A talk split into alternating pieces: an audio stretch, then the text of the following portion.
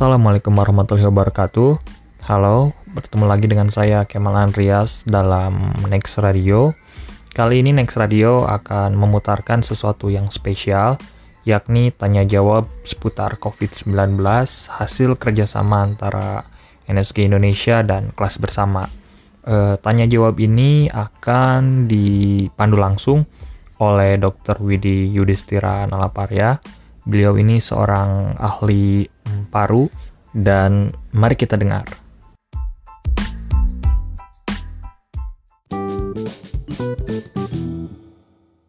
Assalamualaikum warahmatullahi wabarakatuh. Rizky Janual dari Pekanbaru. Uh, ini dengan Dr. Widi Yudhistira, spesialis paru. Berapa lama corona bisa bertahan hidup di tubuh manusia pada saat dari mulai kita terkena corona itu uh, sampai muncul gejala itu membutuhkan waktu sekitar tujuh hari.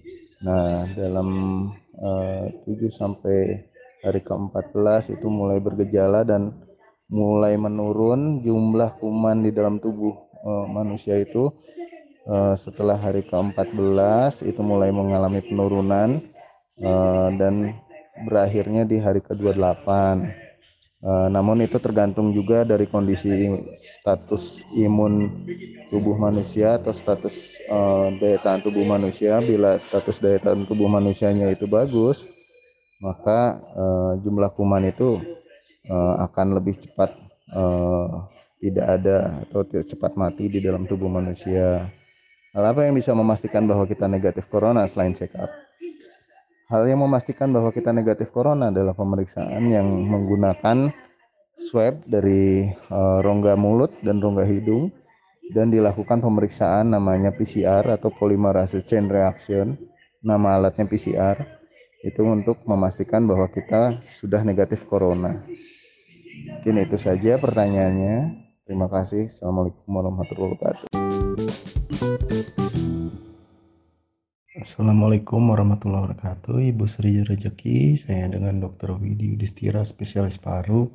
Untuk pertanyaan pertama Kenapa sampai sekarang belum ada data kematian pada anak usia 0 9 tahun akibat corona? Data kematian yang terbanyak adalah pasien-pasien dengan penyakit penyerta anak-anak.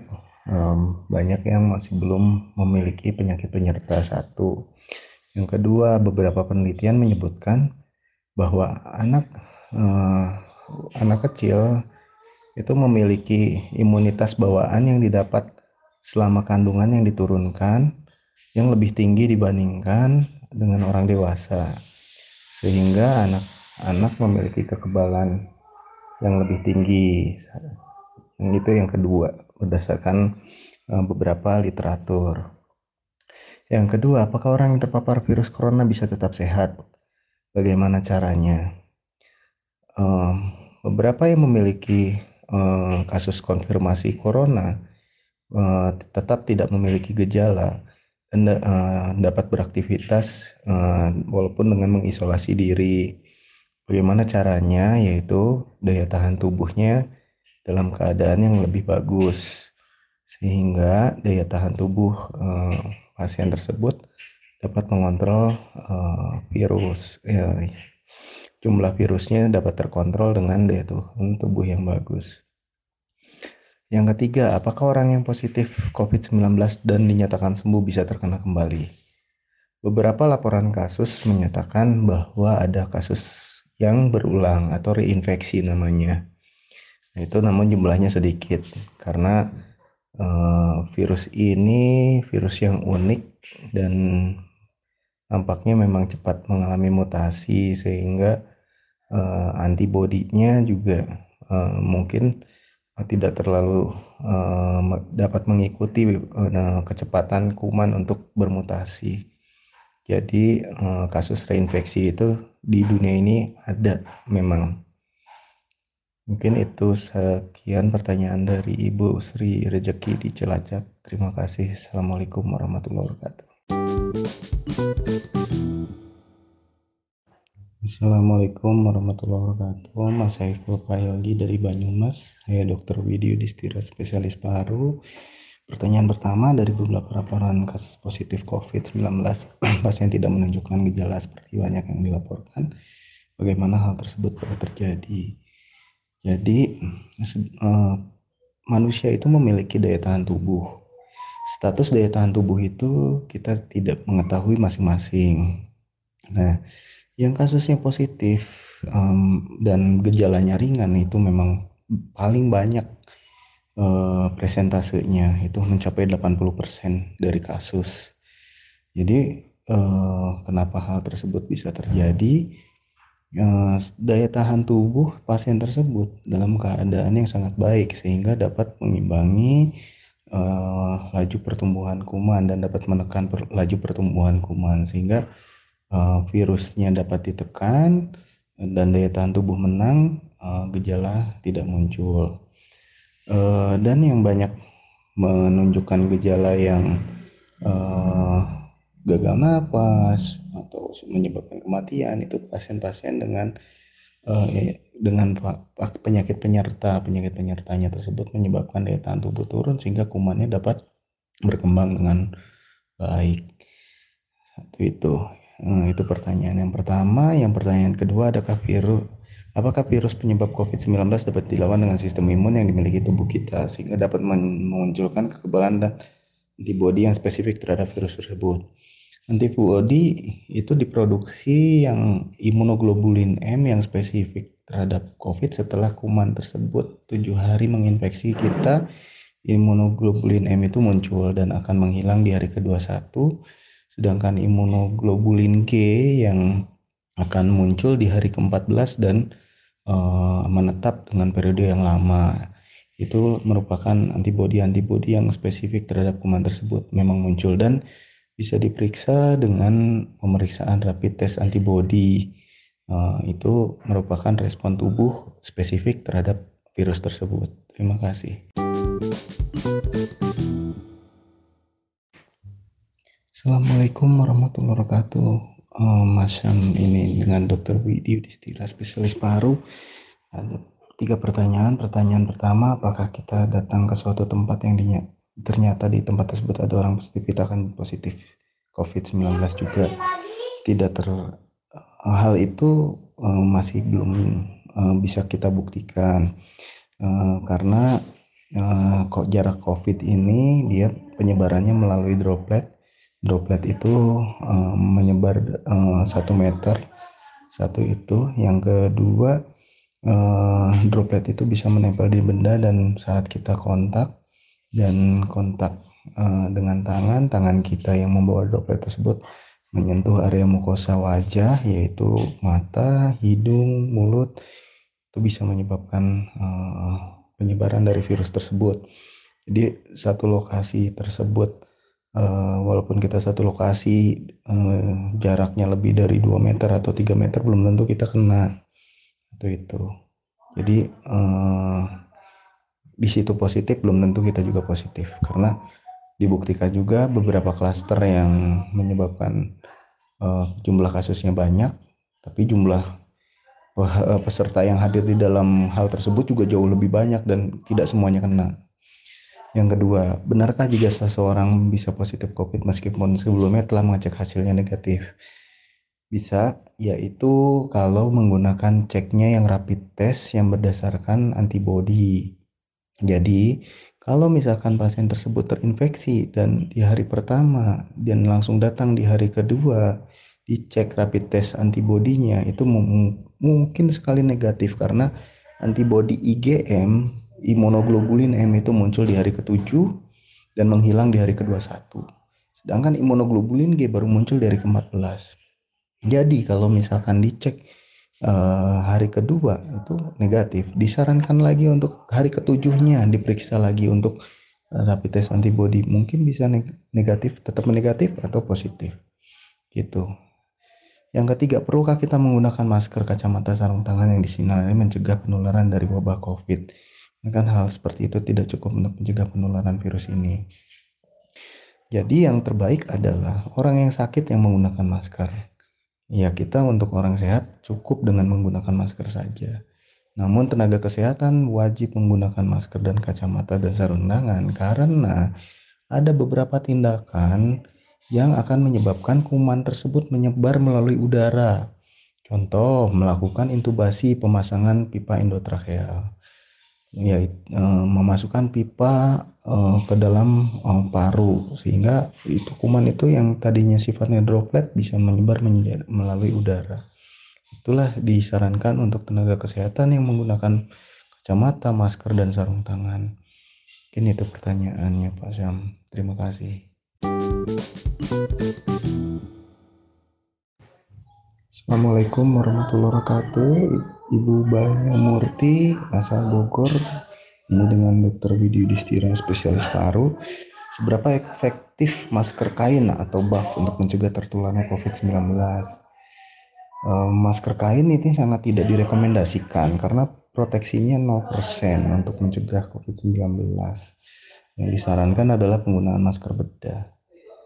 Uh, untuk tenaga kesehatan disarankan penggunaan untuk N95 itu berdasarkan uh, eh, CDC tapi dari WHO cukup menggunakan masker bedah untuk uh, dapat mencegah penularan dari COVID-19 sempat membaca WHO mulai merekomendasikan airborne precaution. Ya airborne precaution ini uh, virus ini memang dapat bertahan di udara 3, sekitar 3 sampai 4 jam. Jadi sebetulnya uh, implikasinya untuk masyarakat umum, ya, jadi Pak kuman ini, virus ini dapat menjadi airborne pada saat tindakan-tindakan tertentu. Contoh tindakan menggunakan uh, memasukkan pipa endotracheal yang pipa pipa jalan nafas yang masuk dari mulut sampai ke saluran nafas uh, tentu dia akan menjadi airborne karena dilakukan ventilator yaitu uh, meniup udara dari mesin ke dalam paru. Itu menjadi airborne contohnya kalau misalkan kita uh, ini kan kuman ini vir, virus ini partikelnya sangat kecil uh, di bawah satu mikron. Kita lihat saja debu bedak yang ibu terlihat contohnya. Kalau di ibu debu bedak didiamkan diam tapi begitu dikibas-kibas dia akan terbang. Ini e, ibaratnya ventilator itu mengibas-ngibas di dalam saluran napas sehingga kuman-kuman ini bisa terbang. Itu bu. Jadi memang airborne precaution memang untuk tenaga kesehatan karena tindakan-tindakan yang invasif e, melalui saluran nafas yang akan menyebabkan kuman ini terbang. Itu terima kasih. Assalamualaikum Assalamualaikum warahmatullahi wabarakatuh. Ibu Deslia Ersioma dari Sumatera Barat. Dan saya dengan Dr. Widi Distira spesialis paru. Uh, selain dari stay at home apakah ada jenis makanan atau minuman yang bisa dikonsumsi untuk mencegah kita terkena virus corona? Beberapa artikel menyebutkan beberapa ramuan yang mencegah perkembangan virus dari Universitas Indonesia sudah melakukan penelitian. Memang uh, yang dapat mencegah yaitu jambu jambu batu yang dagingnya merah. Yang kedua yang terpenting adalah vitamin D3 uh, eh, dan vitamin C. Vitamin D3 itu dapat meningkat dan vitamin C dapat meningkatkan status daya tahan tubuh itu sudah banyak literaturnya yang menyebutkan tersebut. Jadi sering berjemurlah uh, di pagi hari antara jam 8 sampai jam 9 terima kasih ibu. Assalamualaikum warahmatullahi wabarakatuh. Assalamualaikum warahmatullahi wabarakatuh. Pak Hendrizal dari Depok. Nama saya Widi Distira spesialis paru kalau pertengahan bulan Juni uh, masih ada kasus dari Australia, tetap perlu mengisolasi diri walaupun tidak ada gejala sakit. Uh, tergantung perkembangan uh, status COVID di Australia saat bulan Juni nanti. Yang kedua, apakah nanti perlu membersihkan semua koper dan pakaian menggunakan disinfektan? Untuk benda-benda perlu kita uh, bersihkan dengan disinfektan, tapi untuk baju langsung dicuci saja Pak. Yang ketiga suplemen dan vitamin yang direkomendasikan untuk meningkatkan imun. Uh, saat ini kita merekomendasikan adalah vitamin D3 dan vitamin C yaitu vitamin D3 bisa didapatkan dengan kita berjemur diri kalau memang obat tersebut tidak tersedia. Untuk vitamin C banyak masih banyak di uh, apa namanya masih banyak dijumpai untuk dibeli itu dua vitamin tersebut yang memang bagus untuk meningkatkan daya tahan tubuh terima kasih dan selamat sore Ibu Emi dari Denpasar. Saya Dr. Widi Distira, eh, spesialis paru. Uh, untuk pertanyaannya, nah, apabila didapati gejala seperti batuk demam, mengantar-antarkan diri namun masih tetap dengan gejala tersebut, apakah bisa disimpulkan bahwa orang tersebut tidak terdampak virus corona? Hal itu tidak bisa dipastikan, Bu, karena kepastiannya adalah dengan pemeriksaan yang baku emasnya menggunakan PCR uh, dari literatur gejala itu muncul di hari ke-7 sampai hari ke-14 jadi kalau memang mengkarantinanya masih kurang dari 14 hari masih perlu ditunggu dan kuman ini sendiri bisa bertahan di dalam tubuh sampai hari uh, ke-28 namun jumlahnya sangat menurun dimulai hari ke-21 jadi uh, baiknya uh, tetap memonitor diri apabila terjadi sesak segera untuk ke pelayanan kesehatan untuk diperiksa apakah terjadi, terkena pneumonia atau tidak. Karena yang kita takutkan terkena pneumonia oleh COVID-19. Terima kasih Ibu. Assalamualaikum warahmatullahi wabarakatuh. Ibu Almanisa. Pertanyaan pertama, corona muncul tanda tanda seperti apa yang banyak muncul tanpa tanda-tanda. Sempat baca bisa didahului. Jadi pada hari 1 sampai 7 terinfeksi itu banyak yang belum menunjukkan gejala. Jadi gejala itu mulai muncul mulai hari ke-7 sampai hari ke-14. Itu secara jurnal yang saya baca. Lalu fungsi probiotik itu untuk apa? Apa betul untuk meningkatkan imun? Probiotik itu meningkatkan imun tapi imun yang tidak spesifik. Sedangkan untuk menghadapi virus, uh, kita selain membutuhkan imun yang tidak spesifik, kita membutuhkan imun yang spesifik. Itu pertanyaannya Ibu Almanisya. Terima kasih. Assalamualaikum warahmatullahi wabarakatuh Ibu Apriliana. Memang COVID-19 ini waktu awal di Cina memang beberapa ahli epidemiologi sudah memprediksikan bahwa yang ditakutkan dari COVID itu bukan angka mortalitas atau angka kematiannya, tapi angka penyebarannya yang cukup masif. Karena eh, satu eh, negara-negara eh, sangat sudah terbuka dibandingkan zaman dulu waktu ada SARS 2003. Saat ini oh, traveling ke mana-mana, hari Sabtunya ada di Bandung, hari Minggunya ada di Singapura, itu mungkin bisa terjadi di uh, periode 2010 ke sini. Nah, itu yang ditakutkan dari ahli epidemiologi, makanya pola penyebarannya akan sangat masif. Yang kedua, uh, penyebarannya semakin luas meskipun sudah membatasi diri. Namun membatasi diri yang dilakukan Indonesia tidak seefektif yang dilakukan oleh negara lain seperti negara Cina atau negara Italia memang tidak boleh keluar sama sekali. Jadi kita masih banyak yang keluar dan banyak kerumunan-kerumunan yang masih terdapat resiko uh, penularan, transmisi penularan. Itu yang terjadi di negara kita, Ibu. Assalamualaikum warahmatullahi wabarakatuh, Ibu Afifah dari Serang. Saya dengan Dr. Wibi Distira. Untuk konsumsi jahe, kurkuma, serai untuk minuman herbal. Sebetulnya minuman herbal yang memang campuran-campuran itu belum ada rekomendasinya Bu dalam artian kita harus juga mengetahui fungsi ginjal takutnya dengan minuman herbal tersebut malah ginjal kita yang kena uh, jadi ya kita batasi kalau memang sudah terlanjur ya mungkin dibatasi sehari sekali uh, tapi ya itu kembali lagi kita juga harus sering cek fungsi ginjal kita kalau kita sering minum herbal-herbalan karena uh, obat-obatan herbal tersebut juga kadang-kadang mengganggu fungsi ginjal. Mungkin itu saran dari saya, Ibu. Terima kasih. Assalamualaikum warahmatullahi wabarakatuh. Pak Encep dari Garut. Saya dengan Dr. Budi Distira, spesialis paru.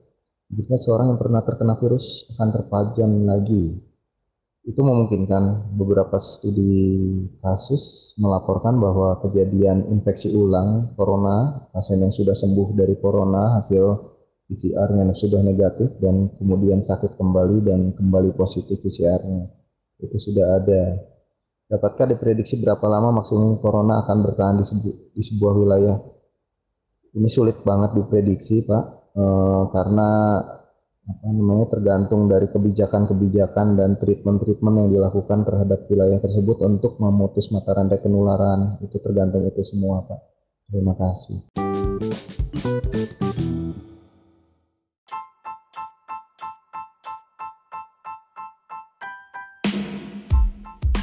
Terima kasih kepada rekan-rekan, ibu bapak yang telah mendengarkan. Semoga uh, edisi kali ini bisa bermanfaat bagi kita semua. Dan juga uh, sekali lagi saya mengingatkan kepada semuanya ibu bapak dan rekan-rekan agar tetap menjaga kesehatan jangan lupa cuci tangan setelah berpergian dan tetap semangat. Sampai jumpa di next radio berikutnya